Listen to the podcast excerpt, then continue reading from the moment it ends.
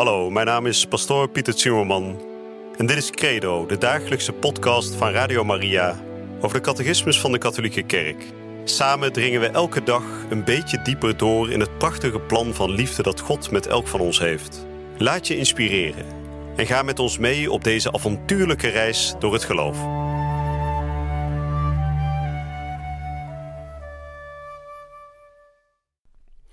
Broeders en zusters, beste luisteraars, van harte welkom bij weer een nieuwe uitzending van de dagelijkse catechese hier bij Radio Maria.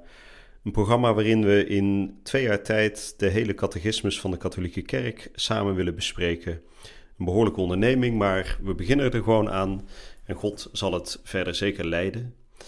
En we hebben de afgelopen dagen gesproken over God kennen en hoe God te kennen, namelijk door de openbaring. God openbaart zichzelf in de Heilige Schrift, in het verbond dat Hij sluit met zijn volk. En uiteindelijk de ultieme openbaring van God, zou je kunnen zeggen, is in zijn Zoon Jezus Christus. En we gaan vandaag spreken over hoe die openbaring zich voortzet. Het begon al natuurlijk bij, bij Adam en Eva, vervolgens, dat hebben we in de vorige uitzending gehoord, sluit God een verbond met Noach. En we gaan vandaag spreken over God die zijn verbond verder voortzet in Abraham en in zijn volk Israël, om uiteindelijk uit te komen bij zijn zoon Jezus Christus. Ik zal vandaag de nummers 58 tot en met 67 behandelen. En we zullen zoals gebruikelijk eerst weer beginnen met gebed. In de naam van de Vader en de Zoon en de Heilige Geest. Amen. Hemelse Vader, U hebt ons het eerst lief gehad. Nog voordat wij tot het volle verstand kwamen, nog voordat wij het levenslicht zagen en geboren werden, was U al bij ons in de moederschoot. U hield toen al van ons en U blijft van ons houden. Hemelse Vader, het is uw vurige verlangen dat wij de eeuwigheid met U mogen delen. En daarom hebt U uw Zoon Jezus Christus naar de aarde gezonden hij is de middelaar van het nieuwe en eeuwige verbond. Maar al voor de komst van uw zoon hebt u een relatie gehad met uw volk. In Abraham, in Isaac en in Jacob sloot u een verbond wat uiteindelijk door Christus zou worden voltooid. Laat ons delen in dit verbond. Ga ook een verbond aan met ons, met onze ziel, met ons hart, zodat wij in de voetsporen van deze grote aartsvaders mogen treden en met hen het eeuwig geluk mogen bereiken. Amen. De nummers 58 tot en met 67. Het verbond met Noach is van kracht, zolang de tijd van de volken duurt tot aan de verkondiging van het evangelie over de hele wereld. De Bijbel vereert enkele grote figuren van de volken, zoals Abel de rechtvaardige, de priesterkoning Melchizedek, de voorafbeelding van Christus, of de rechtvaardige Noach, Daniel en Job. Zo brengt de schrift tot uitdrukking welke hoge graad van heiligheid zij kunnen bereiken, die leven volgens het verbond van Noach, in afwachting van het ogenblik dat de Christus alle verstrooide kinderen van God samenbrengt. God kiest Abraham. Om de verstrooide mensheid te verzamelen, kiest God Abraham door hem weg te roepen uit zijn land, familie en huis. Om Abraham van hem te maken, dat wil zeggen de vader van een menigte volken. Door u zal zegen komen over alle geslachten op aarde, staat in Genesis. Het volk dat van Abraham afstamt, zal de bewaarder zijn van de belofte, aan de aartsvaders gedaan, het uitverkoren volk. Geroepen om eens het verzamelen van alle kinderen van God binnen de eenheid van de kerk voor te bereiden. Dat zal de wortel zijn waarop de heidenen, nagelovig geworden te zijn, geënt zullen worden. De aartsvaders en de profeten en andere personen uit het Oude Testament werden altijd vereerd en zullen altijd vereerd worden als heiligen in alle liturgische tradities van de kerk. God vormt zijn volk Israël. Na de aartsvaders heeft God Israël als zijn volk gevormd door het uit de slavernij van Egypte te redden.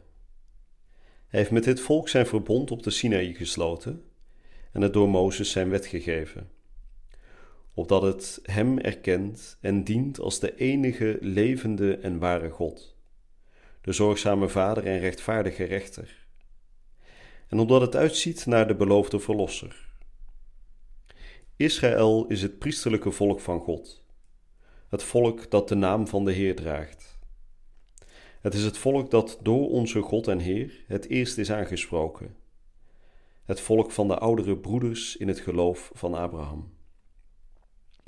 Door de profeten voedt God zijn volk op in de hoop op het hel, in de verwachting van een nieuw en eeuwig verbond, dat voor alle mensen bestemd is en dat gegrift zal zijn in de harten. De profeten kondigen een radicale verlossing van het volk van God aan de reiniging van al zijn ontrouw, een hel dat alle volken zal omvatten. Het zullen vooral de armen en de nederigen van de Heer zijn die deze hoop zullen dragen. Heilige vrouwen zoals Sarah, Rebecca, Rachel, Mirjam, Deborah, Hanna, Judith en Esther hebben de hoop op het hel van Israël levend gehouden.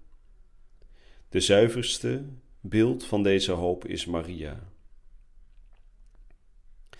Jezus Christus, middelaar en volheid van de gehele openbaring. God heeft alles gezegd in zijn woord. Nadat God eertijds vele malen en op vele wijzen tot onze vaderen gesproken had door de profeten, heeft Hij nu op het einde der tijden tot ons gesproken door de Zoon, zoals we lezen in de brief aan de Hebreeën. Christus, de mens geworden Zoon van God, is het enige volmaakte en definitieve woord van de Vader. In Hem zegt Hij alles, en er zal geen ander woord zijn dan dat. In zijn commentaar op de Hebreeënbrief drukt het de heilige Johannes van het Kruis, nadat zoveel dit al voor hem gedaan hebben, op schitterende wijze als volgt uit. Want Hij heeft Zijn Zoon gegeven, Zijn enig woord. Hij heeft geen ander. Daarmee heeft hij in dit ene woord alles tegelijk gezegd in één keer. Meer heeft hij niet te zeggen. Datgene immers wat hij vroeger broksgewijze aan de profeten meedeelde, meedeelde, heeft hij nu in zijn geheel tot ons gezegd door ons het al te geven, namelijk zijn zoon. Daarom zou degene die nu God wil ondervragen, of een visioen of openbaring wenst, niet alleen een dwaasheid begaan, maar hij zou God ook een belediging aandoen, omdat hij zijn ogen niet geheel en al op Christus vestigt, zonder iets anders of iets nieuws te wensen. Er zal geen andere openbaring meer zijn. De christelijke helse-economie, die immers het nieuwe en definitieve verbond is, zal nooit voorbij gaan en er is geen nieuwe publieke openbaring meer te verwachten voor de glorievolle verschijning van onze Heer Jezus Christus. Toch is de openbaring, ook al is zij voltooid, niet geheel ontvouwd. Het zal de taak van het christelijk geloof zijn in de loop der eeuwen geleidelijk de hele omvang ervan te begrijpen. In de loop der eeuwen zijn er zogenaamde bijzondere of privé-openbaringen geweest, waarvan er sommige door het gezag van de kerk erkend zijn. Zij behoren echter niet tot de geloofschat. Hun rol is het niet de definitieve openbaring van Christus te verbeteren of aan te vullen, maar te helpen deze volle te beleven in een bepaald tijdperk van de geschiedenis. Geleid door het leergezag van de kerk, weet de zin van de gelovigen te onderscheiden en te aanvaarden, wat in deze openbaringen een authentieke oproep van Christus of van zijn heilige aan de kerk is. Het christelijk, het christelijk geloof kan geen openbaringen aanvaarden die de openbaring waarvan Christus de vervulling is, beweren te overtreffen of te verbeteren. Dit is het geval met sommige niet-christelijke godsdiensten en ook met sommige sectes van recente datum die zich baseren op dergelijke openbaringen. Nou, dat waren de nummers 58 tot en met 67. U kunt overigens al deze uitzendingen nog terugvinden op onze website www.radiomaria.nl, dan kunt u het nog naluisteren. En zoals de catechismus ons net vertelde, is God zijn verbond met zijn volk dus al begonnen ver voor de komst van Jezus Christus. Maar in Jezus Christus heeft hij de volheid van zijn openbaring gebracht. En met het citaat van de heilige Johannes van het Kruis werd heel mooi getoond dat er na Jezus Christus nooit meer een nieuwe openbaring zal komen. Met andere woorden, in dat woord, hè, Jezus wordt ook wel het woord genoemd, het woord dat vlees wordt. In dat woord heeft God alles gezegd wat hij wilde zeggen. En dan wordt dat moeilijke woord gebruikt, de christelijke helseconomie. De christelijke helseconomie wil zeggen de manier waarop God zijn openbaring brengt, die zal in de komende eeuwen niet veranderen. Dus na de komst van Jezus Christus is er maar één openbaring volledig en dat is de Zoon van God, het Woord van God. Daar wordt alles gezegd. Maar, zegt de catechismus, ook al is alles al gezegd, toch is nog niet alles ontvouwd. daar hebben we nog de eeuwen na de komst van Christus voor nodig. En wat bedoelt de catechismus daarmee? Daarmee wordt bedoeld dat als het ware God een enorm groot cadeau heeft gegeven aan de mensheid, maar dat dat cadeau nog niet helemaal is uitgepakt. Het woord uh, revelare, het Engelse revelation komt daar vandaan, betekent het sluier wegnemen, als het ware het doek wegnemen om dat grote mysterie. Met andere woorden, God heeft alles al geopenbaard in zijn Zoon Jezus Christus, maar beetje bij beetje moeten wij die openbaring nog ontsluieren. En daarvoor heeft hij ons ook tijd gegeven. En we hebben in de vorige uitzending gehoord dat de kerk dit noemt de goddelijke pedagogie. Dus God is als het ware een leermeester die beetje bij beetje ons thuis brengt in die waarheid die hij ons heeft gegeven in zijn Zoon Jezus Christus. Dit was de catechese voor vandaag en ik hoop u snel weer te ontmoeten hier bij Radio Maria voor de dagelijkse catechese. Je luisterde naar Credo, de dagelijkse podcast van Radio Maria over de catechismus van de Katholieke Kerk. Credo is iedere werkdag te beluisteren op Radio Maria. Maar je kunt de afleveringen ook in je eigen tempo terugluisteren op onze website, in de app of op Spotify en de andere platforms.